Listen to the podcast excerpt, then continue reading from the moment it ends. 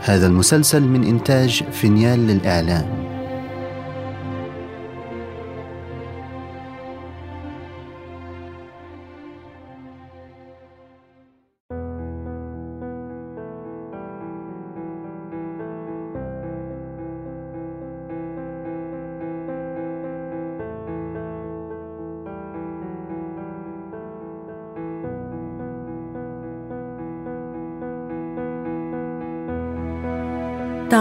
المدن طويلا.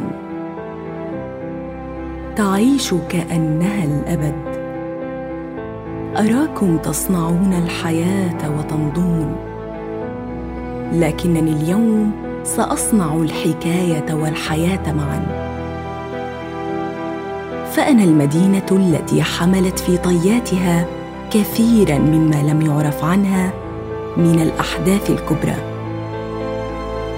عرفتم بداياتي كمهد للديانة الإسلامية. وتعرفون حاضري كقبلة دينية للمسلمين حجا وشعائرا اليوم. ولكنني لم أنسى كل ما حدث بين حينئذ والآن. والقصص بداخلي تثور وتتوق للخروج. اسمي مكة. وهذه حكايتي.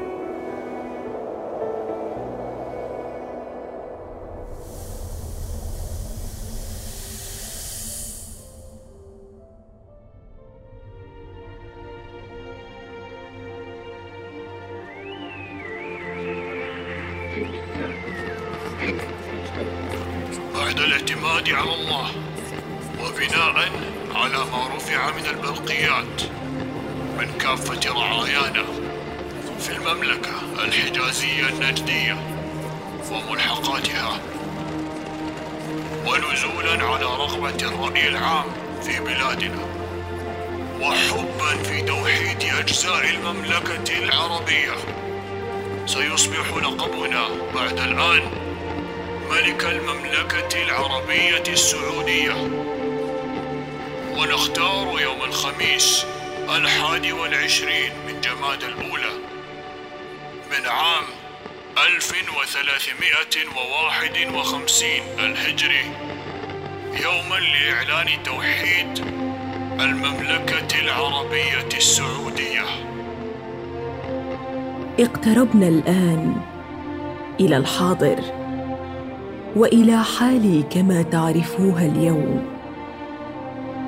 ولكن رغم اقترابنا لا زالت تتكشف قصص أساسية لتكويني.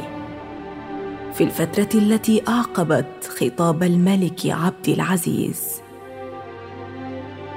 قصصا عن شعب يتطور. وعالم يتغير. وعن أرض ترسم من جديد. فوصلنا إلى الفصل الأخير من القصة التي أحكيها لكم. بكل ما يتضمنه من تغييرات واستبطان وصدمات.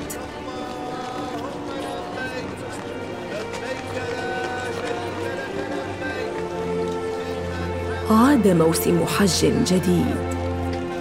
وأنا أتابع الخطوات بين الجموع. وأبتهل مع المبتهلين بدوام الاستقرار.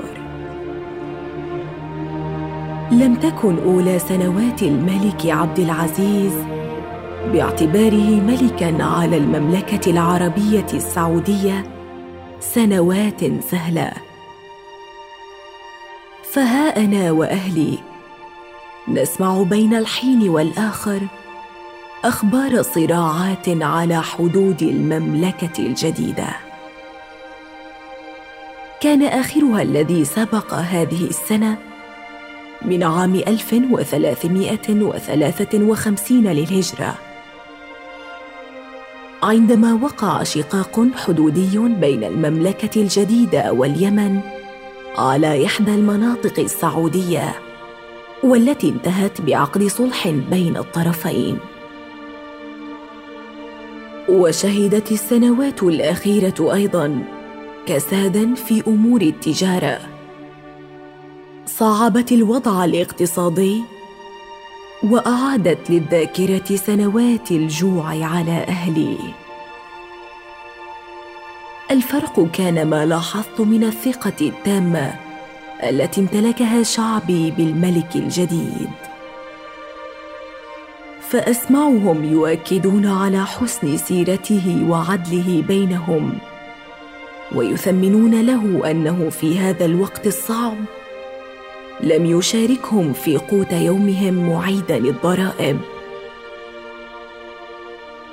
كما أنهم كانوا قد أخذوا يتنفسون الصعداء بعض الشيء إثر زوال قبضة جماعة إخوان من طاع الله الشديده وكالعادة في بداية موسم الحج شاهدت عامتي تتجمع لتتابع وفود الملك عبد العزيز إلى أرضي.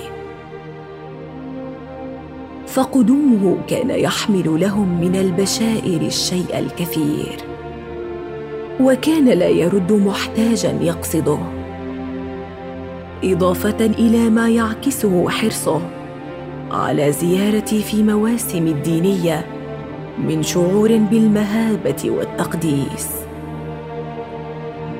لكوني مدينة الحرم المكي والكعبة والشعائر المباركة التي أكد عليها الملك منذ أول أيام حكمه. وسرعان ما جاء أول يوم من عيد الأضحى يشرق. لارى الناس يتزينون بأبهى الحلل وأشتم روائح الطيب والعطر والعود. وأرى الحجاج وهم يكملون حجهم في تقارب إنساني غامر.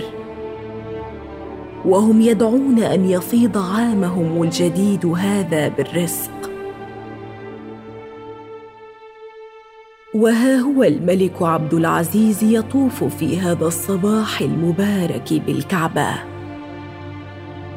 يرافقه ابنه سعود وأعوانه ويطوف معه الناس دون أن يكون مميزا عنهم أو بعيدا. لكن المناظر لم تلهني عن شعور الاضطراب الذي استشعرته منذ صباح ذلك اليوم. عندما شاهدت حركة مريبة لثلاثة شبان. فما أن وصلوا إلى الحرم المكي في الصباح حتى أخذوا يراقبون مواضع الحرم وحركة الناس كالعازم على شيء غير الصلاة واستكمال الشعائر. لم يلحظهم أحد غيري يومها. في ذلك الزحام الذي تطوف فيه أعراق متنوعة أتت من كل الدنيا. فكان أهلي معتادين على الوجوه الغريبة بشكل دائم وكانوا يقربون المنقطع منهم ويكرمونه ويؤجرون منازلهم لمن أراد إقامة طويلة. كما هي عادتهم على مر الأزمنة. فكنت أفكر في أمر الشبان الثلاثة وأنا أتابع حركة الملك حول الكعبة. وما أن أنهى طوافه واقترب من الحجر الأسود حتى سمعنا. الله أكبر! الله أكبر!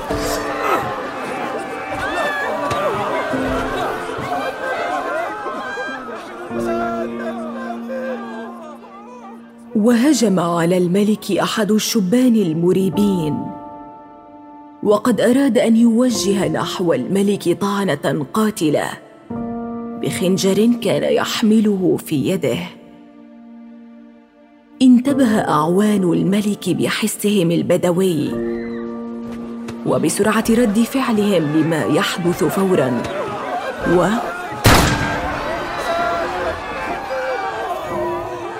سدد أحدهم نحو الهاجم رصاصه قتلته في الحال قبل أن يصل إلى الملك.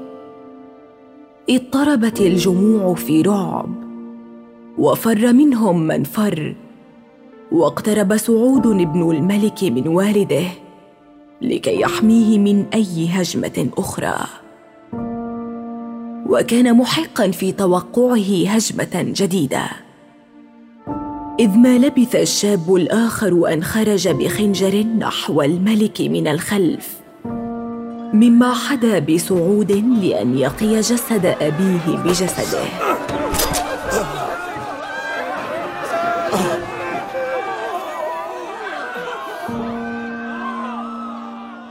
فأصابته طعنه ذلك الشاب أسفل كتفه الأيسر. قبل أن تردي رصاصة أخرى ذلك الشاب قتيلا ليسقط بجانبه.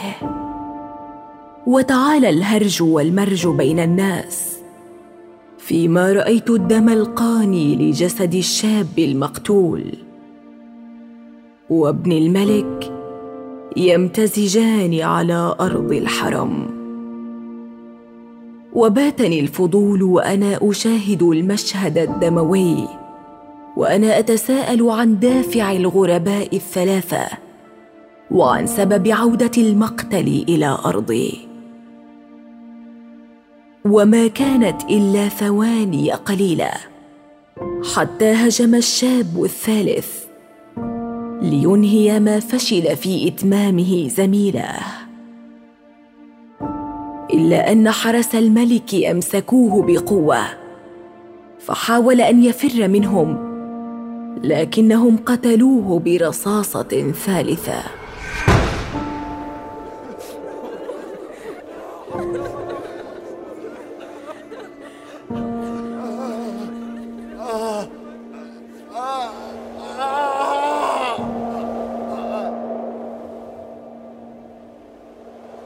كان عيدي حزينا. وركزت نظري وسمعي محاولة إيجاد الإجابات للسؤال الذي غمر تفكيري وهو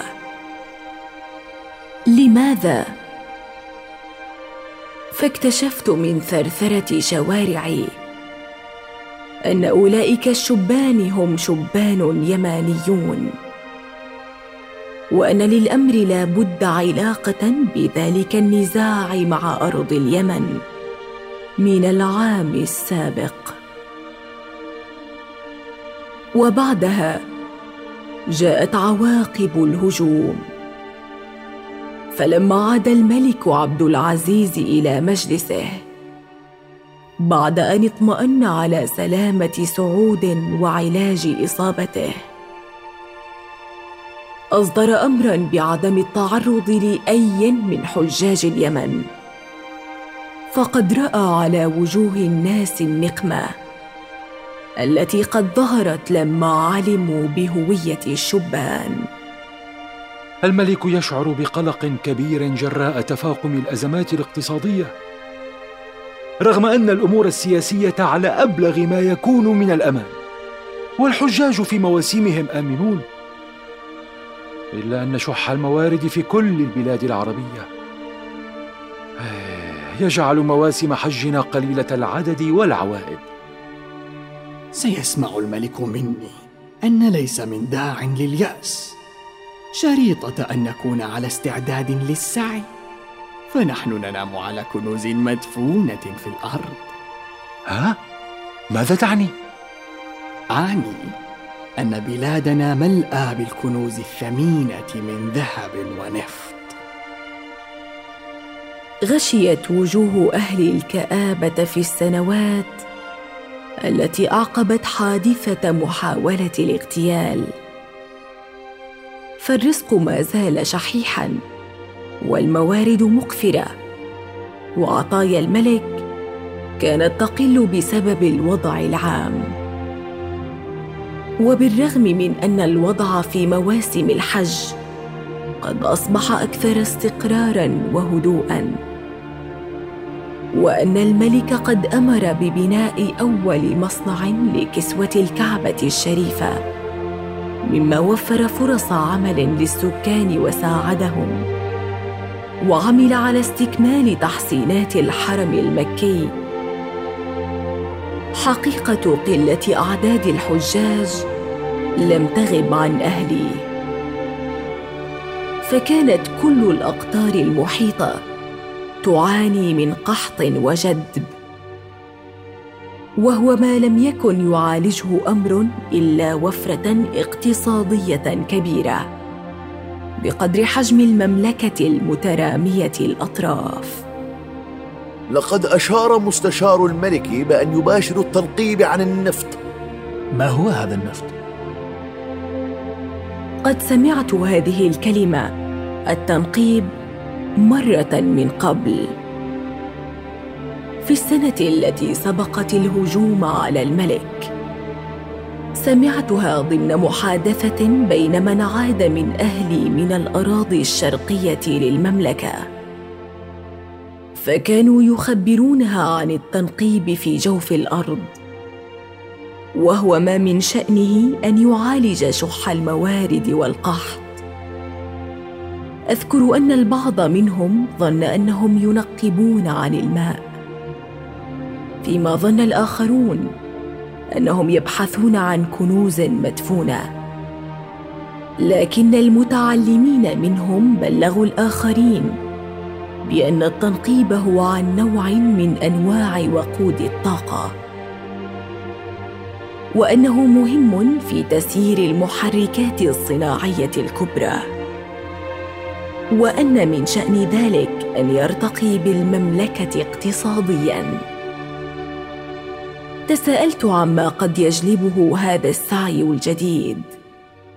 فقد تزايد إحساس فقدان الأمل بين معشري بمرور كل سنة في جوع وقلق وخوف من أن يؤدي هذا التعب الاقتصادي إلى ثورات جديدة قد تلقي بظلالها علي.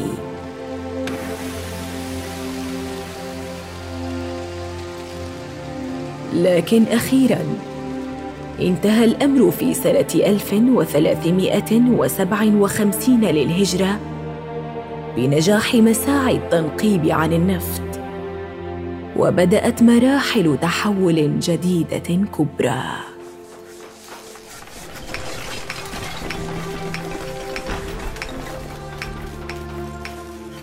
تحولت المملكة العربية السعودية مع ظهور النفط إلى خلية نحل كبرى من العمل والتعمير. وأنا أتابع ما يحدث على أرضي من وفرة في المال والبضائع وانتعاش لمواسم الحج.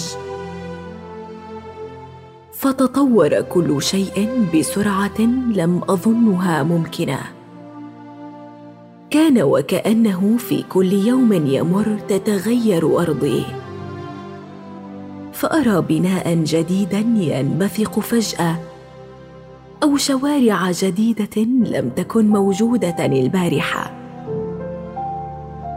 أو مراكز ومصانع ومباني بأحجام لم أتخيلها. وكل هذا جدد ثقة شعبي بالملك والمملكة.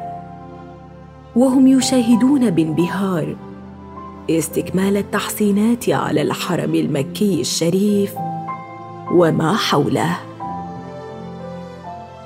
ولعل هذه الوفرة قد أتت بأفواج جديدة من الناس إلى أرضي. جعلت المجتمع المكي أكثر تنوعا. فكثير من قصاد التجارة المسلمين من الهند وكازاخستان وغيرها. كانوا يستقرون في أحياء بعد مواسم الحج ليصبحوا من أهل المكان الجدد.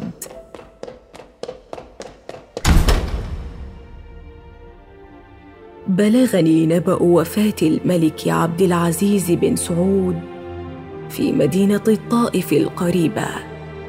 سنة 1373 هجرية. وانعكس في داخل الحزن الذي شعر به معشري على رحيله. حزن يشوبه بعض القلق خوفا من أن يرحل الملك وتعود الاضطرابات من جديد بعد سنوات طويلة من الأمن. لكن الأمور مضت على ارضي بسلام واستكملت أعمال البناء والتعمير. مع كل ملك خلف الملك المؤسس. فشهدت كما شهد أهلي. ما تم من أعمال توسعة في الحرم المكي. وشق الطرق والميادين الحديثة المحيطة بالحرم. في عهد خلفه الملك سعود. ولعلها كانت الفترة التي تشكل فيها وجهي الحديث المعاصر الذي لم يكن يختلف كثيرا عن المدن الحديثة في شبه الجزيرة وسواحل الخليج العربي من مبان جديدة ومدارس مزدهرة وجامعات وبضائع مستوردة. غيرت من شكل الناس وأظهرت النعمة الاقتصادية عليهم. كما امتدت الإصلاحات وكبرت وأصبحت رحلة الحج أقل مشقة بكثير وأكثر امانا حتى كاد أهلي ينسون ما حدث على مر الأزمنة من شقاق ودماء مراقة. لأبقى أنا المذكرة الوحيدة للأحداث التي مهدت الطريق إلى الحاضر.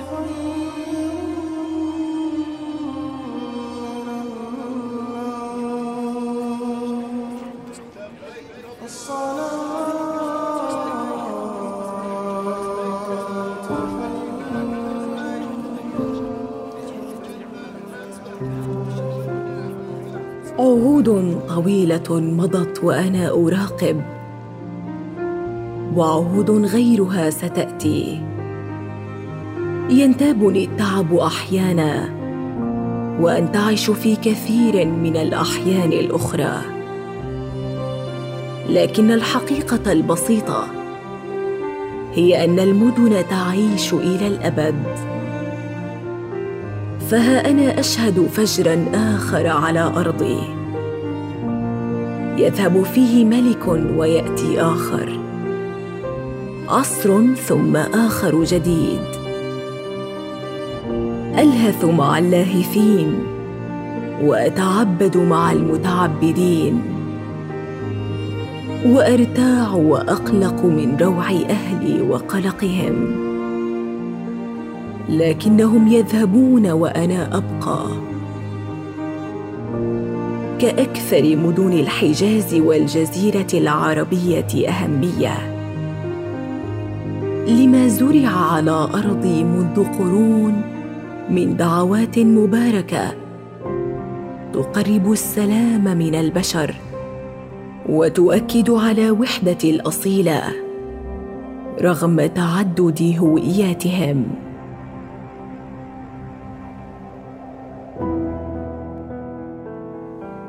فأردتكم أن تعرفوا عن تاريخي ما هو أكثر وأبعد من البداية القرشية والإسلامية القديمة. وحاضر اليوم الذي أواصل فيه تقدمي نحو الحداثة والمعاصرة.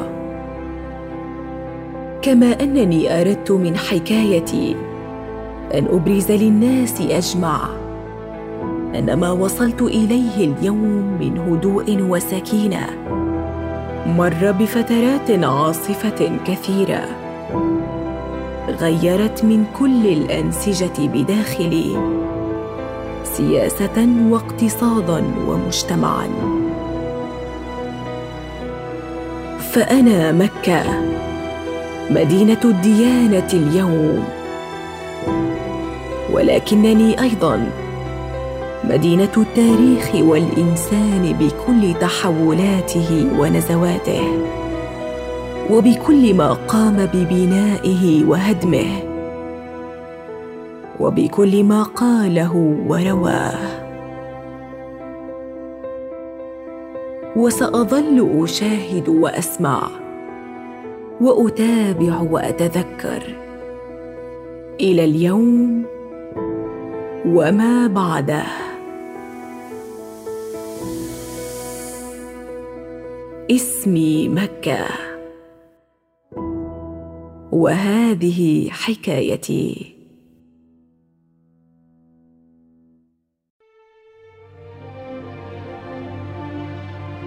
إذا استمتعتم بهذه الحلقة لا تنسوا الاشتراك لبث المسلسل ومتابعتنا على جميع منصات السوشيال ميديا.